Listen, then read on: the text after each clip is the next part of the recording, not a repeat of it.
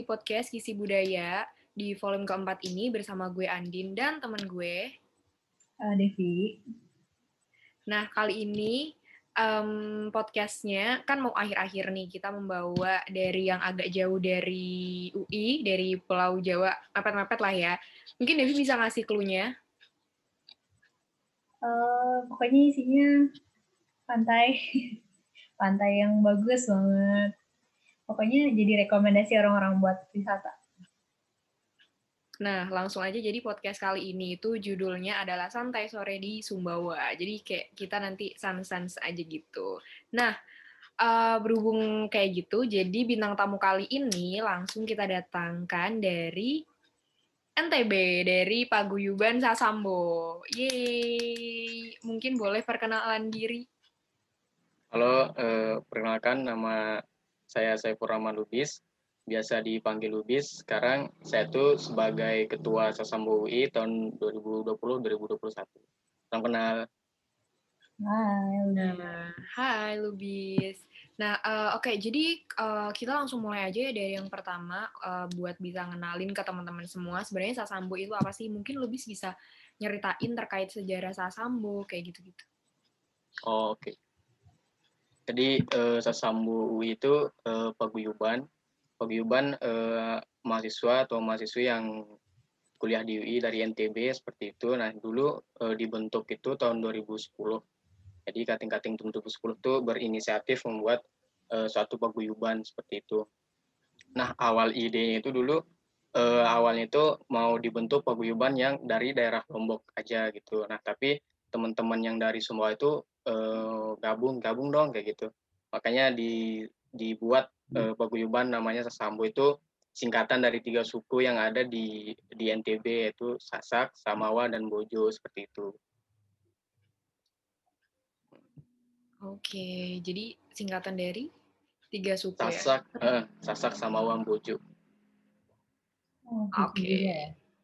Terus kalau boleh tahu tujuan dibuatnya tuh apa sih selain menyatukan apa uh, mahasiswa UI yang dari daerah Sumbawa tersebut? selain untuk menyatukan mungkin itu uh, tujuan dibuatnya ya. Uh, untuk ini sih buat buat ini kan ada setiap tahun tuh ada mahasiswa dari NTB nah itu untuk ngebimbing mahasiswa baru seperti itu itu terus uh, kita tahu kan uh, kita dari NTB tuh jauh dari kampung halaman seperti itu. Nah itu buat apa namanya Sasambo bisa dijadiin sebagai keluarga kedua lah gitu uh, di di Depok terus apa juga nah itu juga tujuannya selain untuk ngebimbing dan apa namanya sebagai keluarga di Depoknya kita eh, mengusahakan untuk bisa berkontribusi kepada NTB seperti itu. Amin. Nah, uh, jadi kan ini kan podcastnya judulnya kan kayak kisi budaya ya. Nah, mungkin gue boleh tahu nggak sih kesenian-kesenian dari uh, eh, NTB yang tradisional yang masih bertahan sampai sekarang? eh, dari Pulau Lomboknya, dari Lombok itu ada namanya tuh eh, presian. Nah, presian itu dia kayak eh, adu adu orang satu lawan satu itu eh, pakai pakai rotan kalau nggak salah itu saling pukul, tapi dia punya ada tamengnya kayak gitu. Nah, diiringi sama musik-musik eh, adat-adat gitu. Terus tapi itu tidak apa namanya itu mereka semua itu ngelakuin itu dengan sukaria seperti itu nggak ada dendam sama sekali nah itu juga di diperlombakan di Lombok seperti itu kemudian untuk daerah Sumbawa ada namanya festival apa kalau nggak salah tadi festival Moyo itu mereka ada di satu pulau kecil itu di sana mereka ngadain festival. Di sana dipertontonkan gitu eh, tradisi-tradisi uh, dari dari Sumbawanya seperti itu. Terus juga apa ya di Bima kalau nggak salah itu ada eh, pacuan bentar lihat dulu. Nah itu ada tari ini tari Wura Bongi Monca namanya. Itu tarian yang eh, mereka nyambut tamu di, di luar dari tamu dari di, dari luar Bima itu supaya menghilangkan gitu menghilangkan roh-roh jahat yang masuk eh, ke Bima seperti itu. Nah, tapi kalau dari lebih sendiri pernah ini nggak? Uh, maksudnya kayak sering ngelakuin tradisi-tradisi itu kemarin ya itu kan ada uh, lomba yang UI Ganza kalau nggak salah. Uh, kami nampilin di sana itu persian sama tari-tarian gitu jadi persian tuh saya kebetulan yang yang jadi pemeran persiannya jadi ya nggak kita nggak sekedar melihat gitu budaya tapi kita menampilkan atau memperagakan di, di UI kayak gitu seperti itu keren ya jadi uh, masih dijunjung tinggi kesenian-kesenian dan banyak juga ya ternyata ya. Jadi nggak cuma beberapa doang gitu. Biasanya kan yang terkenal kan cuma beberapa doang gitu kan keseniannya. Dan ternyata tuh banyak gitu ya, Luis. Hmm, banyak. Ada juga nyongkolan namanya tuh kayak uh, nepuk-nepuk gendang kalau uh, apa namanya kawin seperti itu. Kalau ada nikahan di Lombok. Hmm. Nah, uh, ini kan Lombok ini kan terkenal banget sama uh, tempat wisatanya. Terus kan ini kayak lagi lagi hits lah ya kayak gitu ya Lombok kayak uh, gimana sih uh, bagus aja gitu. Nah pasti teman-teman pada penasaran kan tempat-tempat traveling tuh sebenarnya tuh yang direkomendasiin sama orang Lombok uh, orang NTB-nya sendiri tuh apa aja sih gitu. Mungkin lu bisa ngasih tahu ke kita kan uh, siapa tahu ya nanti setelah pandemi ini nanti orang-orang pada mau liburan. Oke oke. Uh, jadi di Lombok ya banyak sih ya pantainya tuh yang terkenal tuh mungkin di di apa di turis-turis tuh dia tuh kenalnya gue kenal kenalnya itu Gili Trawangan gitu itu ada di Lombok Lombok apa Lombok Barat kalau nggak salah. Itu Gili Trawangan itu udah udah rame dah pokoknya di Gili Trawangan. Tapi kalau yang mau yang Gili yang masih alam banget itu ada di Lombok Timur itu namanya Gili Kondo namanya di sana. Itu pokoknya belum rame terus eh, pokoknya seger dah pantainya seperti itu nggak ada sampah lain-lain. Kemudian kalau mau ke air terjun misal ngelihat air terjun itu ada di Lombok Utara itu banyak air terjun di Lombok Utara. Terus kalau yang suka mendaki gunung itu kan Gunung Rinjani terus ada juga bukit-bukit yang lainnya kalau nggak mau mendaki gunung seperti itu. Terus ada juga Pantai Kuta di Mandali Pantai Mandalika Pantai Kuta Mandalika namanya. Terus uh, ada juga Pantai Pink seperti itu Pantai Pink. Kalau yang pengen ke pantai terus pasirnya pink gitu uh, beda dengan yang lain. Terus juga ada Bukit Merese ini tuh Bukit Merese ini untuk sunset gitu hmm. terus ada Senggigi juga terus ada Sembalun itu ini Sembalun tempat apa ya itu ada view-nya itu Gunung Rinjani di belakang terus di bawah ada kebun stroberi gitu itu sih yang ada di Lombok ya yang saya tahu Seru banget sih. Terus kayak Rubis kan biasa apa ya, biasa ngelihat pemandangan yang alam banget terus indah banget gitu ya. Terus pas udah di Depok gini, rasanya tuh perbedaannya apa aja kan? Oh iya, perbedaannya ya di apa ya? Di pemandangannya sih udah pastinya pemandangan terus di Depok kan rame banget sementara di Lombok itu ya dikit lah gitu nggak terlalu rame penduduknya terus di Depok yang paling yang paling apa yang paling beda tuh kalau keluar rumah ya di Lombok itu udah langsung ngeliat Gunung Rinjani gitu. Uh, soalnya gunungnya besar kan dari semua sisi bisa dilihat dari Pulau Lombok. Tapi kalau di Depok kan nggak ada, nggak ada sama sekali kita lihat seperti itu. Uh, itu perbedaan yang dari alamnya lah. Nah, berarti kayak uh, apa namanya beda ya terkait kayak apa namanya kalau misalnya pas waktu di Lombok atau di NTB itu ngelihatnya ya alam gitu terus kayak bisa seger gitu pas waktu ke Depok ngelihatnya ini ya kayak uh, apa namanya bangunan-bangunan kayak gitu-gitu nggak sih sama macam uh, benar sekali ya. Nah, tadi kan udah ngebahas uh, tempat travelingnya. Um, gue mau tahu dong kalau misalnya ke sana makanan khas dari Lomboknya atau dari NTB-nya tuh apa Luis? ya makanan.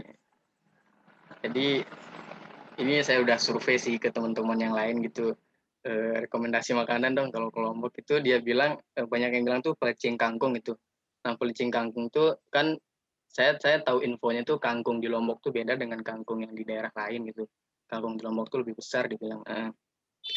nah jadi e, di mana-mana bisa pokoknya ini kayak makanan umum lah di Lombok itu pelecing kangkung ini nah, seperti itu terus ini juga di di apa namanya di Depok sering kita buat pelicin kangkung juga gitu untuk apa ya namanya uh, ngilangin rasa kangen ke Lombok lah gitu. Uh, makanya kita buat ginian di di Depok. Gitu. Terus ada juga namanya bubur rusu. Terus ada juga nasi puyung, kemudian sate pusut, kemudian terakhir tuh sate bulayak.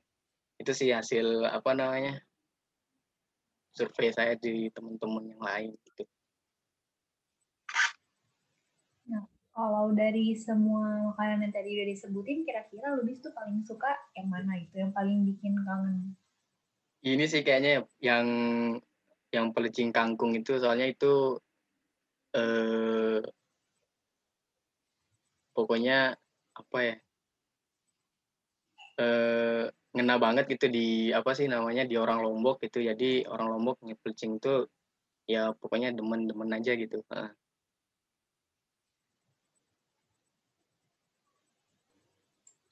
di sih sebenarnya baru baru tahu juga kalau misalnya kangkung di Lombok tuh beda sama hmm. yang di sini gitu loh. Soalnya uh, apa pernah sih pernah denger gue gitu enggak sih pernah lihat ada orang jualan juga pelecing kangkung sama ayam biasanya gitu. Jadi tapi ternyata kalau misalnya di Lombok uh, rasanya autentik gitu ya di, dari Lomboknya. Kayaknya segitu ya soalnya saya, saya belum pernah ngerasain pelencing kangkung di daerah lain gitu. Saya pun di Depok eh, ngerasainnya yang di yang dibuat sama teman-teman dari Lombok seperti itu. Terus juga dulu pas maba-maba itu sering eh, guru-guru kan guru yang nganter anak-anak yang kuliah ke Depok itu bawa kangkung dari Lombok seperti itu. Eh, jadi emang beda sih kayaknya di yang di Depok sama yang di Lomboknya. Nah, um, Devi mau nanya atau uh, gue dulu nih? Hmm, gue mau nanya kayak Nah, terus kira-kira nih selama maksudnya kan kalau di Depok kan berarti nggak nggak sering juga kan apa namanya nemuin makanan-makanan kayak gitu. Kira-kira kalau di Depok uh, anak-anak Lombok biasanya makannya apa gitu yang kira-kira rasanya mungkin mirip kayak di apa di Sumbawa gitu. Kalau saya sendiri ya sering ini sih sering makan yang apa yang pedas-pedas gitu pokoknya yang yang pedas lah kayak ayam ayam nelongso yang seperti itu lah. di asrama kan kita mayoritas tinggal di asrama gitu dari sering pesan ayam bakar yang seperti itu terus pokoknya nasi goreng pokoknya yang yang yang pedas-pedas lah gitu yang kelihatan pedas kita beli gitu. Nah, tadi kan udah ngomongin makanan-makanan nih. Sekarang kita mau lebih kayak mengerucut lagi, yaitu masuk ke uh, paguyubannya. Kalau misalnya kita nih boleh tahu nggak sih kalau misalnya uh, pa, uh, kegiatan dari paguyuban Sasambo ini apa aja? Kalau misalnya hari-hari uh, biasanya gitu. Terus uh, prokernya itu uh, apa aja sama yang terbesar tuh apa aja untuk Sasambo ini? Oh, iya. Jadi sekarang kan kepengurusan saya gitu. Saya saya itu membuat apa ya beberapa program Terus kemarin tuh ini kan eh, pembuatan program itu sebelum pandemi ya. Jadi ada program yang yang nggak bisa berjalan gitu di masa yang online gini. saya, saya ganti. Terus yang apa Paguyuban tuh punya beberapa program yang continue gitu setiap tahunnya yang continue itu kayak Wellmap itu penyambutan maba setiap tahunnya kan. Kalau offline-nya itu kita jemput dia dari bandara seperti itu. Tapi kan kemarin online jadi kita itu eh, cuman eh, ngontak mereka dari dari telepon doang itu dari WA seperti itu. Eh, kita ngontak apa namanya sekolah-sekolahnya gitu biar biar masuk di paguyuban biar bisa dikoordinasi seperti itu. Terus kemudian ada juga eh, kan biasa tuh maba-maba itu kurang pokoknya eh, ini kurang informasi banget tentang perkuliahan seperti itu awal perkuliahan. Apalagi jenis apa namanya kegiatan perkuliahan di Depok sama di Lombok yang misalnya Universitas Lombok mungkin agak beda ya gitu. Nah jadi e, mereka butuh banget informasi itu sistem yang di UI-nya. Makanya kita ngadain ada program sharing session namanya itu kita undang-undang cutting yang udah udah atas dari sesambu anak-anak e, orang-orang sesambu lah buat ngasih tahu mereka gimana sih berkuliah di UI seperti itu. Terus juga program yang lain uh, yang yang nggak jalan itu kita apa ya ngadain ada ini mau kemarin tuh ada fun run namanya. Kita tuh uh, ada lari-lari itu uh, tapi nggak bisa jalan. Nah itu kita ganti. Jadi kita tuh buat koperasi koperasi gitu. Bisa teman-teman Sasambu tuh uh, minjem lah kalau nggak ada dana terus yang paling besar program yang paling besar itu ya Sasambu Igos 2 NTB seperti itu. Itu kita uh, sosialisasi tentang perkuliahannya terus spesifiknya ke UI seperti itu buat motivasi anak-anak SMA soalnya taraf pendidikan di NTB itu kan masih ini ya masih rendah gitu bisa dibilang masih rendah banget. Makanya kita itu e, berinisiatif buat ngasih apa namanya insight gitu biar mereka terbuka tentang pendidikan atau perguruan tinggi seperti itu itu sih yang paling besar dari paguyuban kita. Keren keren. Banyak banget. Banyak banget ya Dev? Banyak banget sih. Nah terus apa ya?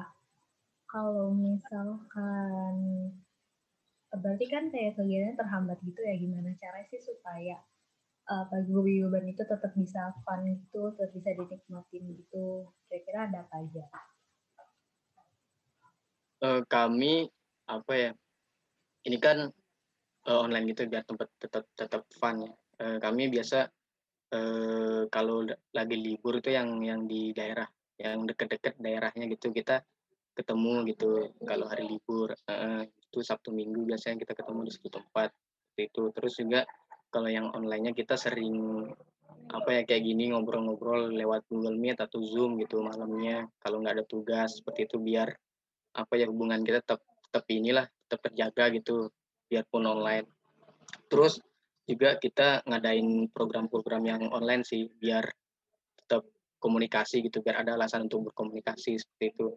Kita rapat tiap malam bukan tiap malam sih uh, tapi ya tiap minggu itu adalah rapatnya seperti itu. Nah ini uh, gue mau nanya nih, jadi kan sekarang kan lagi pandemi-pandemian, gue tuh mau tanya, apa sih struggle yang di apa dihadapi oleh Sasambo ini ketika pandemi gitu? Struggle-nya ya itu ini yang demotivasi itu banyak banget, apalagi tuh mahasiswa baru ya. Soalnya mahasiswa baru baru kuliah langsung online gitu kan. Jadi mereka itu banyak itu yang demotivasi kayak aduh nyerah nih gitu. Kayaknya nggak bisa nggak bisa lagi buat tugas di UI seperti itu. Nah itu tantangan banget bagi kita yang sebagai pengurus gitu buat gimana mempertahankan mabanya gitu biar biar termotivasi seperti itu jadi kita berusaha selain bujuk dia buat atau motivasi dia tuh kita juga berusaha buat kontak apa namanya uh, yang soalnya ada biasanya tuh ada dua ada dua ini ya tantangannya gitu. Pertama itu ekonomi kedua tuh uh, kurangnya motivasi seperti itu. Yang kurang ekonomi biasanya kita kontak pihak atkisma fakultas seperti itu buat uh, membantu lah seperti itu terus kalau yang dimotivasi kita coba ketemu langsung gitu biar dia ada apa namanya gambaran gitu kalau dia punya cutting yang bisa apa sih namanya yang bisa ngelewatin itu jadi seperti itu. Jadi dia nggak pokoknya yang eh, mereka kelihatannya nggak bisa tuh sebenarnya bisa gitu tapi mereka kurang motivasi aja yang nggak ada yang dilihat di lingkungannya. Jadi itu sih struggle-nya Nah, kira-kira nih kalau dari lebih sendiri ada nggak apa namanya saran supaya uh, tetap apa ya tetap semangat itu tetap dalam keadaan kayak gini gitu sampai bisa pulih gitu? Kira-kira ada nggak kayak saran atau trik-trik sendiri gitu? Jadi apa ya saran untuk yang kuliahnya itu ya gini sih kan kita kuliah kita milih sendiri ya gitu. Kita kita milih untuk kuliah berarti kita harus ini siap untuk apa ya tugas-tugas yang ada seperti itu masalah-masalah yang ada itu kita tuh harus siap. Jadi eh, kita harus apa namanya sadar diri gitu kalau kuliah tuh nggak nggak nggak enak doang gitu. Kuliah tuh nggak langsung pintar seperti itu. Tapi kan kita kuliah untuk belajar jadi eh, kita harus apa namanya tetap semangat sih untuk ngejalanin apa namanya membuat tugasnya terus tetap semangat untuk kuliah tiap hari nggak nggak jangan di skip seperti itu. Nah, itu sih yang saya tekenin ke adik-adik tingkat ya. Jadi kalian kuliah nggak nggak langsung pinter tapi kalian di sini untuk belajar gitu. Jadi terima aja tugas-tugasnya kayak gitu. Itu sih. Insightful banget sih. Nah berarti Sasambu tuh sangat ini ya kekeluargaan banget ya? Nah itu apa ya? Kayak budayanya lah budaya organisasi itu keluargaan banget. Terus apa namanya kayak apa ya interaksi atau maksudnya antara cutting sama maba ataupun uh, adik tingkat ke adik ke kakak tingkat tuh kayak ini loh bagus gitu loh. Terus uh, sangat bertanggung jawab dalam gimana sih ngurusin adik-adik yang baru masuk kayak maba gitu? Contohnya tadi banyak maksudnya dia mau cerita gitu demo terus mau cerita ke sasambonya gitu kan kayak kekeluargaan banget gitu karena ada nggak sih tips dari sasambo untuk mungkin uh, yang bisa diterapkan nanti kalau misalnya ada paguyuban-paguyuban yang ngelihat bisa diterapin ke paguyuban lainnya gitu? Uh, jadi kita pertama itu kita pas dia kita tuh kita nyari mereka gitu bukan mereka yang nyari kita seperti itu. Jadi pas dia lulus tuh kita langsung kan ada pengumuman yang SN itu ada kode-kode wilayah kode lulus universitas. Nah kita ngedata gitu kalau kita udah nemu namanya kita tahu nih oh ini daerah ini kita kontak sekolahnya gitu kita nyari-nyari. Nah habis ketemu kontaknya kita masukin ke grup seperti itu. Nah kita bimbing mereka tuh di masa praregistrasi kan itu banyak banget tuh eh, apa namanya tugas apa namanya eh, tugas-tugas atau yang harus dikumpulin pas praregis ada yang masuk beasiswa seperti itu lebih banyak eh, administrasinya. Nah di sana kita membantu mereka. Maksud saya di sini dengan kita inisiatif seperti ini membantu mereka mereka tuh ngerasa diiniin gitu dipegang gitu atau di dibimbing lah seperti itu. Jadi mereka nggak nggak apa namanya nggak canggung di kakak tingkatnya gitu. Jadi ada masalah kita langsung tahu. Terus mereka juga langsung ada punya grup gitu terus kita ngontak mereka ada masalah nggak di, di angkatannya? Jadi kita megang megang banget sih itu itu itu juga merupakan dari program kita gitu. Nggak sekedar inisiatif satu orang tapi dikoordinir gitu sama ada divisinya seperti itu. Itu sih.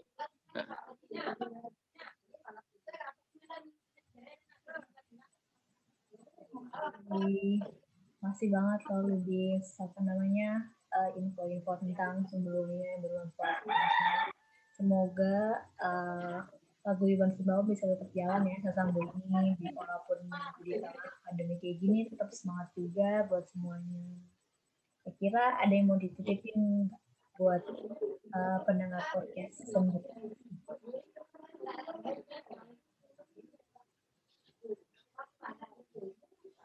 Apa tadi? Nggak kedengeran. Kira-kira ada yang mau dititipin nggak buat para pendengar podcast sembut ini? Ya ini yang sesuai topik yang ini ya. Ntar kalau liburan gitu eh, kunjungin tempat-tempat destinasi wisata yang disebut tadi gitu. Itu apa namanya eh, bagus banget lah gitu. Apalagi yang suka alam banget itu ke Gili Kondonya gitu seperti itu terus untuk paguyuban yang lainnya. Mungkin soalnya kemarin juga ada apa namanya hmm, ada apa sih namanya sama Adkesma kalau nggak salah itu rapat paguyuban ada paguyuban yang belum tahu mau mabanya seperti itu. Mungkin uh, untuk meningkatkan kekeluargaannya itu bisa diinisiatifin dikoordinasi gitu. Uh, seperti itu. Mungkin itu aja sih dari saya saran-saran dari saya. Nah, jadi uh, untuk para pendengar podcast ini uh, kalian bisa mencontoh nih paguyuban Sampo kalau misalnya mereka tuh kekeluargaan banget terus apa ya kayak sangat apa uh, hangat gitu dengan orang-orang yang ada di paguyubannya mungkin bisa dicontoh kayak gitu terus jangan lupa untuk mengunjungi juga nih pantai-pantai ataupun tempat wisata lain yang ada di NTB karena sangat-sangat uh, indah banget seperti yang uh, baru saja disampaikan orang yang asli sana gitu. Kalau misalnya kalian tuh pokoknya kalau misalnya ke sana tuh worth lah gitu. Jadi uh, tadi uh, sebagai penutup di podcast kali ini, hmm, terima kasih untuk uh, Lubis dari Sasambo karena udah hadir menyempatkan waktunya untuk podcast kali ini dan uh, terima kasih juga untuk teman-teman yang udah mau mendengarkan podcast ini.